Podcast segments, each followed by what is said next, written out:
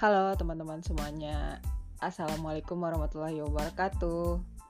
Selamat datang di podcast aku lagi.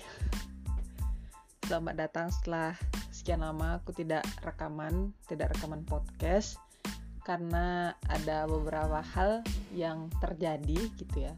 Um, Mulai dari terakhir kali rekaman sampai sekarang ini. Dan salah satu yang terjadi adalah bukan yang terjadi ya maksudnya salah satu perubahan yaitu um, saat ini aku sudah tidak di Indonesia lagi. Alhamdulillah sekarang sudah sampai di Jepang sudah memulai studi. Jadi aku sampai di sini udah sekitar dua bulan hampir tiga bulan lah kira-kira.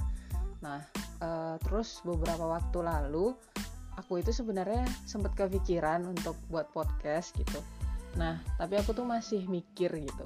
Sebenarnya apa sih yang mau aku bagiin gitu di podcast ini?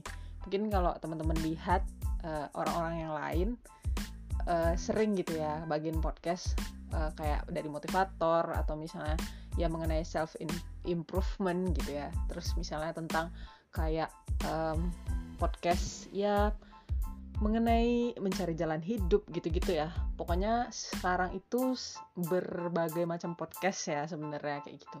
Dan aku juga baru tahu gitu ya, sebenarnya uh, di ranah riset dan penelitian orang-orang juga udah banyak yang buat podcast gitu. Jadi waktu itu aku tahu dari sensei gitu ya. Nah, jadi sensei aku tuh uh, bilang gitu kan. Uh, kami ngobrol gitu. Reza, kamu gimana sih belajar listening bahasa Inggrisnya gitu terus abis itu aku bilang biasanya dengerin TED Talks sih gitu sensei. Terus atau pakai uh, apa namanya aplikasi-aplikasi kayak Elsa Speak dan lain-lain gitu. Terus kata sensei bagus-bagus kata kayak gitu. Uh, saya tuh uh, ada nih gitu kan. Kalau kamu mau coba sih kata dia gitu. Nah jadi beliau itu suka dengerin podcast uh, kayaknya uh, aku kurang tahu di Spotify apa di Google uh, podcast gitu. Tapi ini udah udah lumayan ada banyak sih yang buat kayak gitu. Jadi uh, di podcast tersebut orang-orang itu membicarakan mengenai penelitian gitu. Jadi kayak kayak orang bedah jurnal gitu loh. Jadi kayak misalnya nih di dalam podcast itu mereka jelasin apa sih permasalahan yang terjadi dari jurnal tersebut gitu. Terus uh, hasil penelitiannya itu apa gitu. Jadi terus habis itu lanjut ke pembahasan gitu. Jadi kayak kayak sekarang itu apa apa aja tuh diomongin kayak gitu. Dan itu menurutku bagus sih kayak gitu kan. Uh, akses kita sudah semakin mudah ya maksudnya tuh ya untuk mencari segala macam informasi sebenarnya gampang banget ya sekarang gitu. Kayak nggak ada batas gitu nggak apa no boundaries gitu nggak ada batas di mana pun kayak gitu kan. Jadi kita bisa mencari apa pun yang kita mau sebenarnya kayak gitu. Tinggal ya kitanya aja mau gerak atau enggak kayak gitu kan. Nah uh, itu sedikit sekilas mungkin ya mengenai um, kayak observasi-observasi aku terhadap uh, berbagai macam podcast kayak gitu. Nah, terus akhirnya aku uh, memutuskan gitu ya. Aku buat aja kayak gitu ya podcast uh, setidaknya gitu kan. Aku membagikan apa yang mungkin udah aku dapet kayak gitu kan. Uh, mungkin sekedar awalnya sekedar sharing-sharing nih ke teman-teman semuanya kayak gitu. Karena uh, mungkin aku bukan orang yang expert gitu ya di bidangnya gitu ya. Bukan orang yang juga kayak udah punya ilmu banyak banget kayak gitu. Karena ada orang yang mungkin dari hidupnya tuh udah spesifik gitu ya. Maksudnya tuh dari awal dia mungkin udah nemuin passionnya kayak gitu kan. Jadi misalnya uh, dia udah jadi seorang motivator kayak gitu ya. Jadi dia uh, ya udah dia kalau bicara sama orang jadi tuh mungkin um, di branding diri dia tuh udah oh ini tuh pasti nih si kakak ini mau bicarain tentang motivasi kayak gitu. Atau kayak pembentukan pengembangan diri dan segala macamnya gitu. Tapi kalau misalnya aku kayaknya agak bingung gitu ya. Karena emang aku dari dulu dari kecil ya gitu aku tuh nyoba semua kayaknya. Jadi itu kayak apa ya namanya kurang spesialis ya kayak gitu jadi dari dulu tuh memang gen terlalu general. Mungkin sampai sekarang kali ya gitu. Kayak mulai spesifiknya itu waktu S1 gitu ya. Udah masuk udah masuk jurusan yang sains murni gitu. Jadi kayak dan S2 sekarang masih di sains murni gitu. Jadi kayak di situ sih baru kebentuk kayak tren spesifik gitu. Karena sebelum sebelumnya itu bener-bener kayak uh, coba apa aja gitu. Kayak di seni masuk di apa ya namanya kadang di olahraga juga gitu. Kadang di akademiknya juga yang apa ya namanya aku coba usahain juga gitu. Jadi kayak apa sih um, kadang waktu kayak SMP SMA gitu itu tuh selalu kayak lihat teman-teman misalnya pergi uh, kejuaraan yang bener-bener mereka tuh tekuni itu aja kayak gitu. Misalnya kayak dia sebagai atlet dan segala macam gitu. Jadi kayak aku ngelihatnya uh, keren ya gitu. Kayak kayak udah sampai uh, olimpiade internasional gitu-gitu. Nah aku kayak yang masih sibuk um, kayak mencari-cari kayak gitu. Apa sih aku sih sebenarnya bisanya apa sih gitu? Kayak aku nyoba ini ya oke okay, nyoba yang ini oke okay, kayak gitu ya. Semua semua tuh aku aku jalanin aja kayak gitu. Jadi sampai apa yang namanya dan aku nggak nggak menutup kemungkinan juga yang namanya kayak ikut organisasi kayak gitu kan. Nah dan jujur yang paling aku suka bukan justru bukan lomba-lomba lomba gitu ya. Maksudnya tuh aku nggak menyalahkan orang yang lomba enggak gitu. Justru karena itu tadi aku bilang aku tuh malah kayak iri gitu ngeliat mereka kayak selama kuliah banyak kan orang yang lomba uh, karya tulis ilmiah gitu-gitu kayak keren banget gitu. Maksudnya tuh bagi aku tuh kayak wah banget gitulah gitu. Nah tapi aku juga ya, nggak ya, yang kayak minder maksudnya nggak yang kayak um, bilang kayak e, kamu tuh harus kayak mereka gitu. Kamu kok nggak bisa sih kayak mereka gitu. Aku nggak yang nggak gitu gitu. Maksudnya ya udah aku sukanya apa gitu. Aku jalanin aja kayak gitu. Nah misalnya aku organisasi suka kayak gitu kan. Ya udah aku maksimalin diri aku di sana kayak gitu. Nah makanya um, aku jujur bukan bukan orang yang sebenarnya kayak dari dulu tuh kayak show up gitu. Maksudnya kayak kalau misalnya aku bergerak atau misalnya aku berdiskusi dengan orang atau misalnya aku memecahkan suatu masalah dan segala macam mungkin wujud aku tuh gak bakal kelihatan gitu di permukaan gitu. Karena bagiku tuh um, kalau bisa wujudku tuh nggak kelihatan ke permukaan ya itu lebih baik kayak gitu. Nah bagiku tuh dulu tuh ya dulu tuh waktu sampai satu kemarin lah gitu kan. Kayaknya aku nggak perlu lah kelihatan gitu kayak gitu. Kalau bisa aku tuh menjadi orang yang bener-bener introvert kelas kakap gitu ya. Sebenarnya nggak introvert juga sih. Maksudnya kalau bisa ya kalau bisa kerja kerja atau kerja kerja kita nggak dilihat orang ya udah gitu. nah akhirnya tuh kayaknya mulai pandemi ya itu kan. Pandemi mulai booming gitu ya maksudnya semua aktivitas kita tuh kayaknya hampir semuanya online kayak gitu. Dan dan apa ya aku tuh mikir ya kayaknya salah satu ruang berkarya itu yang memang harus kita manfaatin di sosial media kayak gitu. Dan banyak platform-platform yang uh, sebenarnya apa ya yang sebelumnya maksud aku yang sebelumnya itu nggak terlalu naik daun kayak gitu ya. Itu ya pas pandemi kan bener-bener naik gitu ya. Uh, kayak apa sih namanya?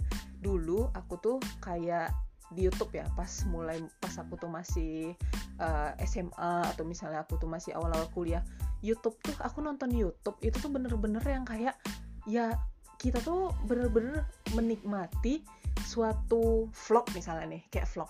Vlog itu yang bener-bener kehidupan orang gitu. Maksudnya kayak kehidupan si youtuber tadi gitu misalnya. Nah tapi saya sejak pandemi gitu ya kayak mendekati pandemi dan pas pandemi sampai sekarang gitu. Semua orang itu buat vlog gitu. Maksudnya kayak artis juga buat vlog gitu. Maksudnya tuh yang aku pikir kayak um, aku tuh nonton vlog kayaknya ini nonton iklan apa nonton vlog? gitu. Kayak aku tuh bahkan udah nggak bisa bedain lagi gitu. Kayak uh, kadang pas lagi mereka ngevlog gitu kan aku tuh setiap detik nonton vlog aku curiga ini kayak lagi iklan? Kayak gitu. Saking saking apa ya saking aku tuh nonton udah udah udah udah nggak pure lagi rasanya nonton YouTube kayak gitu. Tapi ya aku mikir ya udah gitu kan. Perkembangan dunia sama sekarang ya kayak gitu gitu. Ya ada orang cari duit ya lewat YouTube ada orang yang cari duit lewat Instagram gitu kan. Dengan uh, apa sih apa sih namanya yang kalau brand apa sih namanya? Apa sih namanya? Kayak yang kita tuh aduh aku lupa. Kalau kalian tahu nanti kasih tahu aku. Kan keluar bahasa pekan baru aku.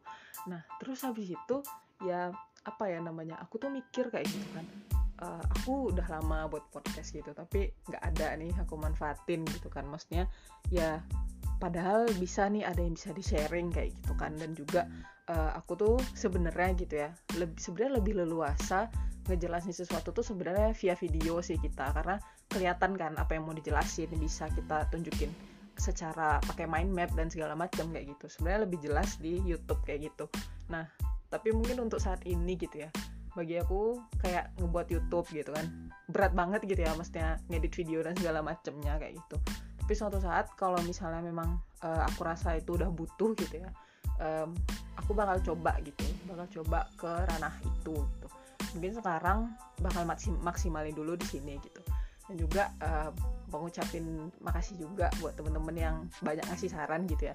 Jujur um, banyak banget temen-temen dekat gitu ya. Bahkan adik-adik tingkat juga yang dari Unri juga gitu ya. Kayak um, kak Eja buat dong gitu kan podcast gitu. Kayak pengen dengerin aja kakak ngomong gitu. Kadang aku tuh sampai mikir aduh uh, mending kalian ngerjain sesuatu yang bermanfaat deh gitu kan. Karena aku tuh apa kayak kayak bercandain mereka kayak gitu gitu nah terus habis itu mereka bilang ya pengen kadang kita pengen tahu aja kak gitu. Pengen dapat sesuatu aja kayak gitu. Informasi-informasi mereka kayak gitu. Dan itu tuh kayak buat semangat gitu kan. Nah terus akhirnya ya udah gitu kan. Nah uh, karena ini aku udah sekitar dua hampir tiga bulan gitu ya di sini. Jujur kemarin itu yang mulai dari persiapan terus pas nyampe sini adaptasi dan segala macam itu tuh kayak nggak bisa di deskripsi di deskripsi ini sebenarnya. Karena bener-bener complicated. Kayak kayak ini datang ini masalah ini datang ini datang ini datang. Sampai itu mikir ini ini ada ada nggak sih? Kadang kadang tuh bercandain diri sendiri. Ini ada nggak sih masalah yang lebih berat lagi daripada ini? Biar mampu saya sekalian gitu ya. Karena udah udah sampai kayak gitu mikirnya gitu kan. Padahal sebenarnya nggak boleh gitu ya. Maksudnya ya kalau misalnya Allah itu titipin masalah di kita berarti kita mampu kan? Maksudnya berarti kita yang mampu orang orang lain belum tentu gitu. Nah kalau aku tuh selalu ingat Ustadz Adi tuh ngomong kayak gitu. Uh, apa yang namanya? Kalau misalnya uh, Allah bilang eh kalau misalnya kita bilang uh, kenapa saya ya Allah? gitu. Allah tuh jawab kenapa tidak? gitu kan. Why me? gitu. Why not? kata Allah kayak gitu kan. Aku selalu ingat Ustadz Adi tuh bilang kayak gitu. Nah jadi kalau misalnya dikasih beban yang kayak berat banget gitu rasanya itu tuh ya uh, langsung keinget itu aja kayak gitu kan. Berarti uh, ini nih aku mampu nih melalui gitu kan. Karena kan kayak uh, surah al-baqarah itu aku lupa ayat berapa ya. 200 ya nanti ingetin aku ya. Nah, yang uh, apa namanya Allah tuh nggak nggak la yukalifullahu nafsan illa usaha itu kan. Allah tuh nggak ngasih uh, beban ke kita uh, me, melainkan kita itu mampu gitu ya. Mampu untuk um, melewati atau ya menyelesaikan masalah-masalah itu tadi kayak gitu ya. Nah nggak mungkin di, di luar batas kemampuan kita gitu intinya. Nah jadi itu um, sekarang aku mikirnya ya aku ke depan gitu ya coba sharing ke teman-teman semuanya gitu. Mungkin mengenai kuliah gitu ya mungkin mengenai kuliah di kimia mungkin banyak banget yang mikir gitu ya uh, kuliah di kimia susah gitu. Atau misalnya ya di FMIPA lah minimal um, minimal gitu ya. Kalau misalnya di sini nggak terlalu banyak dari kimia gitu ya kenapa sih gitu? Kadang tuh uh, aku tuh sekarang kayak heran juga gitu kayak di univku sendiri peminat uh, untuk lanjut ke sains tuh nggak banyak gitu. Jadi makin tahun itu makin menurun. Wah jauh banget gitu ya jauh jauh banget menurunnya kayak gitu. Nah kadang-kadang tuh uh, miris gitu kan di bidang-bidang ilmu yang uh, aplikatif gitu ya yang sifatnya ya uh, ilmu terapan gitu. Itu makin banyak banget kayak gitu. Makin banyak banget yang minat dan persediaan apa sih ketersediaan beasiswa ketersediaan uh, jurusan-jurusan di univ-univ gitu. Itu makin banyak yang terapan-terapan kayak gitu. Kadang uh, aku mikir nggak salah sebenarnya sih gitu. Tapi kan kita tetap harus menjalankan yang um, si ilmu murnia tadi kayak gitu. Karena ya hal-hal yang fundamen itu bukan berarti dia tuh funda dan gak di reset gitu. Maksudnya justru dari hal-hal yang fundamen itu nanti kita bisa mengaplikasikannya kayak gitu. Memang di situ sih uh, masih kurangnya uh, dunia sains riset dan segala macamnya itu saling menjebatani harusnya kan di situ. Nah tapi sekarang kan apa ya namanya di situ kan masih agak sulit ya kayak gitu. Kadang kita meneliti di lab kayak gitu. Kita mungkin kayak kayak misalnya aku aku neliti molekul gitu kan. Neliti molekul itu nggak gampang gitu maksudnya kita tuh harus mengkondisikan dia di temperatur atau suhu tertentu. Kalau misalnya kita itu naikkan dikit aja suhunya itu tuh molekulnya nggak bisa nggak bisa terdeteksi. Karena dia kan gerak ke mana-mana. Itu ya ya bayangin aja kayak apa ya namanya kayak teman-teman pernah lihat gas nitrogen gak sih? Gas nitrogen yang ada tuh orang kayak di mall-mall gitu makan tenggo pakai nitrogen ah kayak gitu. Nah jadi itu secara kasat mata aja dia udah kita ngelihat gas nitrogen itu aja kan udah kayak ya berhamburan ke mana-mana kan kayak gitu. Nah bayangin aja kalau misalnya kita tuh apa ya namanya kan kalau kalau secara apa namanya tuh uh, kinetik ya. Misalnya nih kalau kita naikkan suhu gitu ya ke suatu zat kayak misalnya kita didihkan air aja kayak gitu. Air tuh kan awalnya tenang tuh. Kita kita kasih panas tuh dia kita naikkan suhunya. Nah itu kan dia bergejolak bergejolak. Jadi kayak apa ya namanya uh, mendidih gitu kan. Nah jadi tuh ya kayak gitu gitu kan. Nah kayak gitu penelitian tuh kadang-kadang ya gitu kayak kayak misalnya di lab kita ngasih dia di kondisi tertentu kita ngasih dia di kondisi yang dingin misalnya biar dia nggak gerak gitu. Dan kalau kita pikir-pikir lah kita hidup di kondisi yang suhunya suhu ruangan 25 derajat celcius misalnya. Lah sedangkan kita meneliti molekulnya itu di suhu minus gitu. Kadang mikirnya gimana bisa nerapin yang di suhu minus ke kehidupan nyata? Itu kan butuh bridging yang besar kan kayak gitu. Nah jadi antara ilmu murni dan terapan justru aku tuh kadang apa ya namanya ada gak ya gitu kayak ilmu yang mempelajari khusus menjembatani itu gitu. Karena aku tuh mikir kayak gitu gitu kan. Jadi kayak apa ya namanya kita bisa saling berkolaborasi tapi ya kayaknya nggak nggak nggak perlu deh ada cabang ilmunya. Aku mikirnya tuh uh, kita aja yang saling kolaborasi kayak gitu kan. Nah saling ngelakuin riset sama-sama kayak gitu. Jadi orangnya ilmu murni kolaborasi sama ilmu terapan kayak gitu Nah, jadi bisa menghasilkan sesuatu yang bisa berdampak buat masyarakat itu kan. Harapannya kan ke depan kayak gitu. Ya gitu deh. jadi panjang cerita riset gitu. Nah, um, jadi ya itu juga ke depan mungkin seputar riset juga tapi riset yang udah mungkin udah aku alamin ya dulu. Karena yang udah aku alamin aja dulu gitu kan. Karena riset itu sebenarnya luas banget kayak gitu. Nah mungkin nanti bisa juga uh, ajak beberapa orang gitu ya yang mungkin menekuni dunia riset kayak gitu. Baik itu di sains atau misalnya di ya, ilmu sosial juga bisa gitu ya. Atau ilmu sejarah gitu ya. Aku ada ada apa sih namanya? Mutual mutualan nih sekarang sama yang uh, kakak-kakak di sejarah Al Azhar ya tapi nggak tahu sih bisa diajak podcast apa enggak. Kalau nggak salah beliau punya podcast dan kayak kayaknya tuh bagus banget ngejelasin sejarahnya aku lihat di YouTube. Nah jadi kalau misalnya gitu ya aku nggak tahu juga gitu bisa diajak um, bercerita gitu ya mengenai riset beliau mengenai sejarah Islam apalagi peradaban Mesir kuno gitu. Nah itu aku seneng banget sih gitu. Nah terus habis itu mungkin mengenai uh, beasiswa sesekali. Uh, karena aku jujur aku kayak orang Indonesia kan minatnya ya LPDP gitu-gitu ya. Aku jujur aku bukan penerima beasiswa LPDP tapi kalau misalnya teman-teman nanti itu uh, butuh info beasiswa bisa langsung uh, hubungi aku aja gitu di IG gitu. Nah kalau aku nggak balas DM di IG itu aku sengaja taruh kontak di kontak itu aku naruh email. Nah jadi teman-teman sebenarnya aku sebenarnya lebih enak balas email gitu. Karena balas email itu rasanya lebih luas aja gitu. Karena aku balasnya tuh di laptop bisa ngetik gitu, panjang nggak gitu. Nah kalau di IG kadang DM temen-temen teman-teman aku juga masuk gitu misalnya nih. Ya ya misalnya yang DM teman-teman juga misalnya kan. Jadi tapi ya gimana ya kadang tuh keluarga-keluarga ada juga gitu yang DM jadi kadang tercampur gitu loh banyak banget gitu. Maksudnya ah, ini DM kayak kadang aku tuh di WA juga ada chat di line juga ada di di IG juga ada. Terus kalau di kuliah kan pakai aplikasi Slack ya namanya uh, S SLACK biasanya kalau orang di Jepang Unis Jepang rata-rata pakai Slack. Nah sebenarnya enak sih pakai Slack serius. Gampang banget aplikasinya. Tuh kayak ringan.